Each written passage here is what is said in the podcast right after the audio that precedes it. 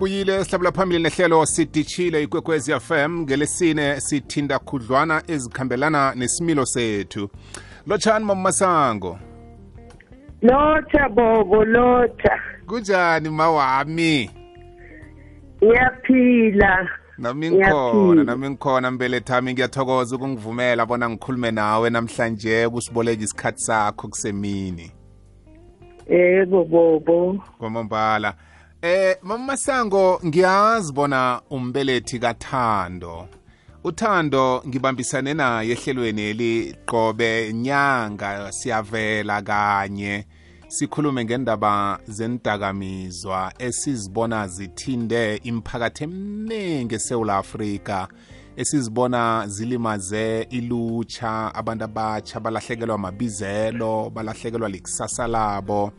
Ngenxa yalezi ntakamizwa uthando ngomunye wabantu abatsha eh abakhe bazithola baba bongazimbi bokusebenzisa indakamizwa akho ngitshela uthando ukhule njani njengombelethakhe eh ukhisiphe isithombe mani sokuthi bekamuntu onjani? Eh ngithanda ukulothisa abahashi ulothise nabalaleli bekwekwezi. Eh kukhanya ba. Okhulumayo umama kathando uJane Masango. Eh uthando ukhule angumntwana onothando namanje unothando njengegama lakhe asocial kakhulu umuntu wamahlaya. Ingako estradini ubizwa ukuthi ngusidumo umama kaSidumo okhulumayo. Abaningi bamazi ngosidumo especially e- eWitbank. yeah. Eh then uthando kusho ukuthi ku- kuthe ngokuhamba kwesikhathi nakafika e- e- e- elo asithe secondary school. Mm.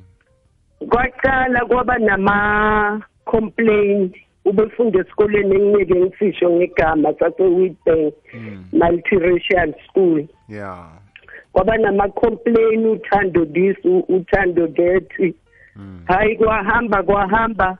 Nami ngambona uthando angitshintshela ngoba u- mina ngumama okhonzayo. Bengihamba naye akhonza eh, ahamba ema-sunday school konke. Ngabona sathi ntsha u- u- uthando. Kwaya kwaya ngabona seku kunokuyamalala nje kwaqala nje ngezimali ezingana ama-ten rand nangiyibeke la ngingasayitholi nangiyibeke la ngingasayitholi. Mm mm. Kanti uthando kusho ukuthi sowuqalile ukubhema. Mm kusho ukuthi be- besihlala la sihlala khona e-Taxback besinext to the lokuzana high risk area yokubhema. Mm kwaba umuntu vele os- o- osahlala alapho kuleyo area. Mm eh espa mm. Yabona sihlala lapho kanti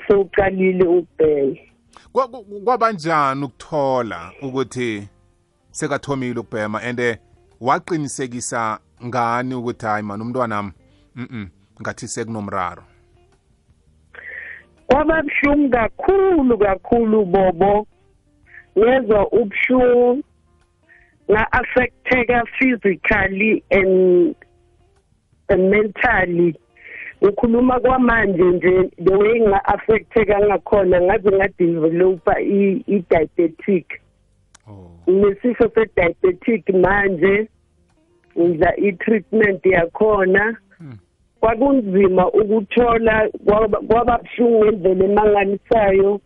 Kwathi eh emndenini nakumphakathi kuba buhlungu kakhulu uthi uze ubuhlungu kube khona abantu abakhuluma ukuthi uthando wenza so ngoba uthola yonke into ayifunayo. In other words abanye balibeke ngesihloko ukuthi ngispoilile Hmm. abanye njalo kwaba khona abasupportayo. Ngibabonga bonke labantu nalabe bangicriticize ukuthi kungathi kungenxa yami uthando abhema nalaba bebangisupporta. Bangikhulisile ba- bangenza impilo iqhubeke. Mm mm mm. eh eh. Ngi- ngi- ngimaphi mhlambe ama report amakhulu akhafike ekhaya ngo ngothando naselabhema eh khulu umphakathi uza uzokcomplaina ungazi ukuthi ubaphendule uthini. Kesinye isikhathi mhlawumbe uthanda kakalali nekhaya eh awumazi una 2 3 days or iveke ungamboni. Kuba njani konke lokho? Eh kwaba buhlungu kakhulu uthando wathi nasekabhema waqala watshontsha amakari. Mm kusho ukuthi nje uNkulunkulu bengibusisile ngalawo makari. Watshontsha amakari uthando ahambe for 2 days. Ngingamazi ukuthi ukuphi. Uthatha yona ikoloyi yekhaya? Ya uthatha ikoloyi ekhaya ahambe. Ngingamazi ukuthi kuphi ngoba eWitbank ke kunale sport leso esaziwayo vele. Mm eh ngihambe ngimfuna lapho bathi abela abela abela abantu abacomplainayo ngenhlanhla uthando uthena kaqala kakhulu abegange abegange ekhaya.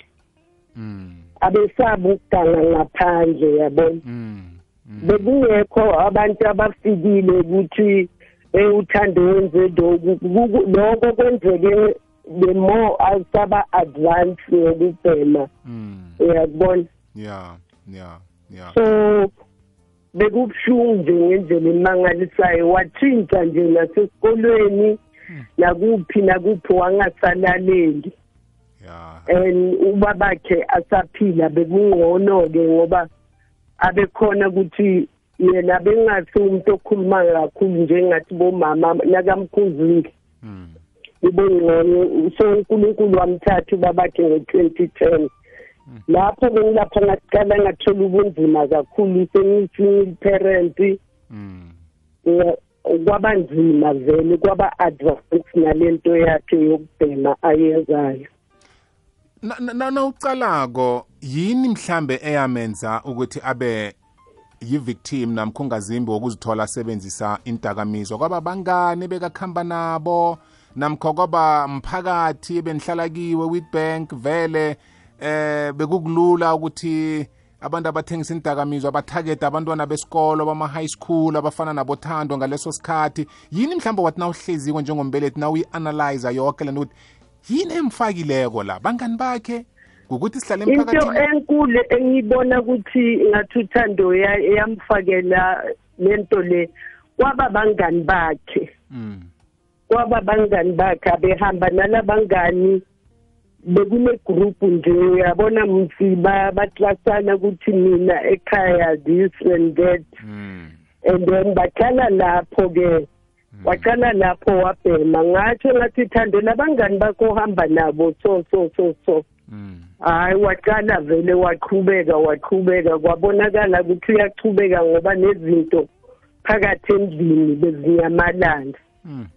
kunyamalale nemali kunyamalale ini kunyamalale. Uthena sakaba advance yokubhema kunyam- a- athi nakahambile ahamba agcoke kahle eh uyobuya ngasena lezo zimpahla abuya kuleyo high risk area yasewitbank bathethe zonke izimpahla or yena ithenge ngazo or kwenze njani abuye asagcoke nje amanikiniki Mm. hayi kwaqhubeka nje vele azange kube mnandi ekhaya and moreover ngiyi-single parent uyabona bekunzima kakhulu Mm. Mm.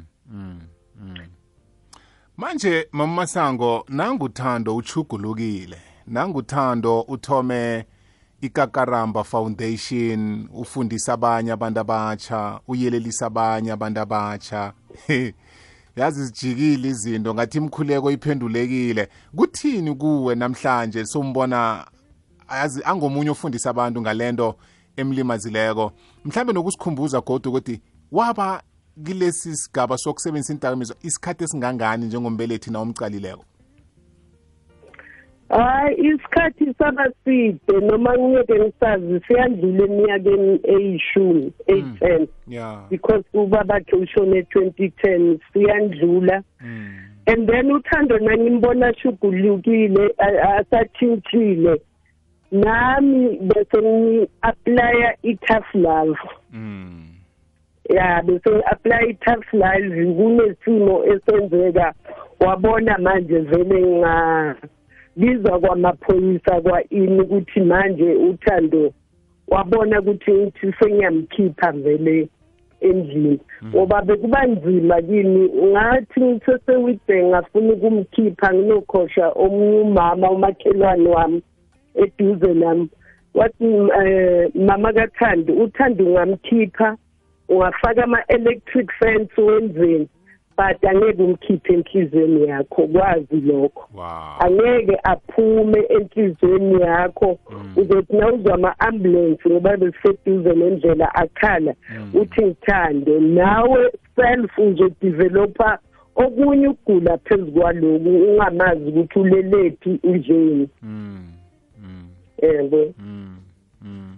Ungathini ke kwabanye ababelethi? Khulukhulu abantu ababomma. Eh ngithanda nangendlela oveza ubaba ngakhona indima ebekayidlala nakasaphila. Ukusiza ukukhalima nokufundisa indodana.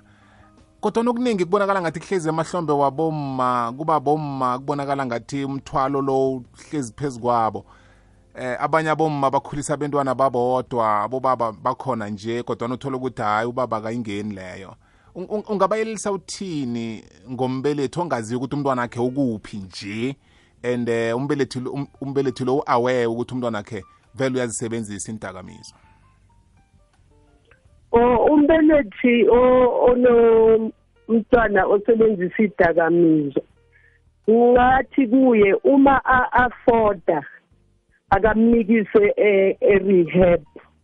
Ngoba manje eh uthanda uye several times e-rehab abebuya ahlale two three months sewubuyile ngokuthi abebuya achubeke na same bangani angabatshintshi mm. so uma ngabe um- umbelethi uya-afford angamnikisa e- e-rehab and uma anga-afford azame ezinye izindlela zokuthi amsize umntwanakhe a- ukuthi ayeke ukubhema ziningi izindlela umkhuleko kuya ngokuthi wena ubhilivela kuphi.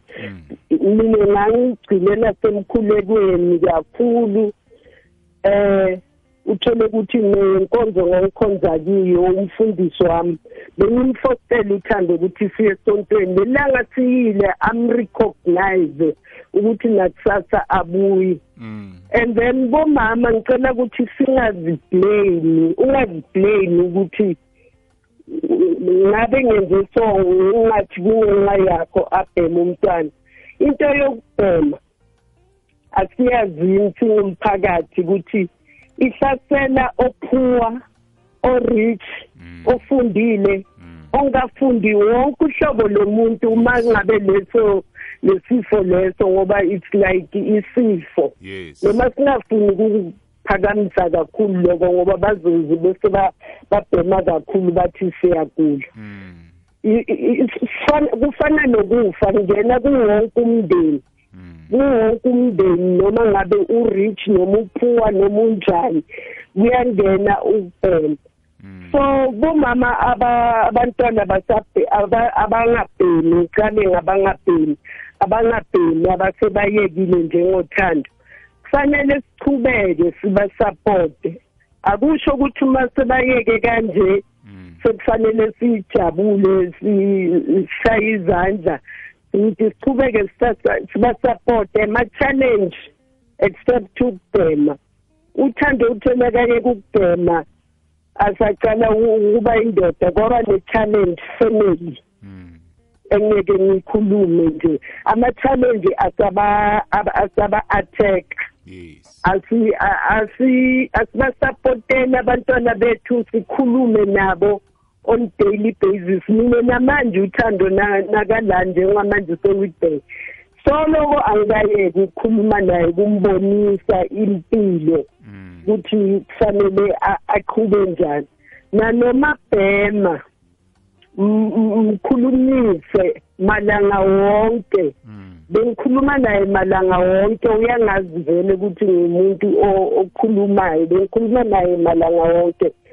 And then singaziblame kakhulu Mm. and si- siyekele ukuconcentrate ebantwini abazathi wenze nguye mthomenze solo mntwana nga-one two three Mm. abantu lento uma ingafikanga ngakubo bakhuluma noma yini engadistroya and uma ungakhulumi ngikhuluma manje kunabomama engibaziyo abanele bashonile ngendaba yokuthi umntwana abasabhema ngikuzwile mama masango ngencancabeza ngenxa yesikhathi ngifuna ukuhlula ngewumo lendaba. Sikwazi ukukunikela ukuthi ikakaramba foundation uyifumana bunjani?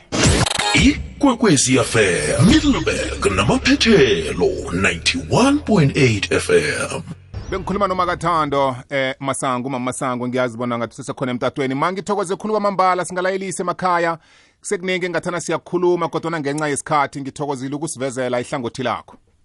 Ngaphambi kokuba ngilayelise bobo ngiyacela ukuthi bomama babantwana babhemayo nabayeke ukubhema senze ama-support group. Yes. Si- sikhulume ngalabantwana ngasikhathi sihlangane nebe endaweni ethile sikhulume ukuze sisizane. Mm qiniso lelo Mbono omuhle. ngiyabonga. Thokozile ma mbono omuhle loyo. Mama masango makathando kanti ke nafuna ukuthintana nebekakaramba foundation uthando uzomthola ku-078 411 1756 078 411 1758 ubafune naku-social media kakaramba foundation kubo-facebook nakubo-twitter eh kula uzobabona khona. Khulukhulu ku-facebook bane-facebook page eh lapho-ke ungathintana nabo khona bakwazi ukukusiza. Umbono ovezwe ngumama masango umbono omuhle. Abomma bakhe bathinteka ngabentwana abasebenzisa indakamizwa nabalisileko ngathi kungaba nama-support group. Ukwenzela bona-ke ikwazi ukukhula lento ibe yihle emphakathini yethu.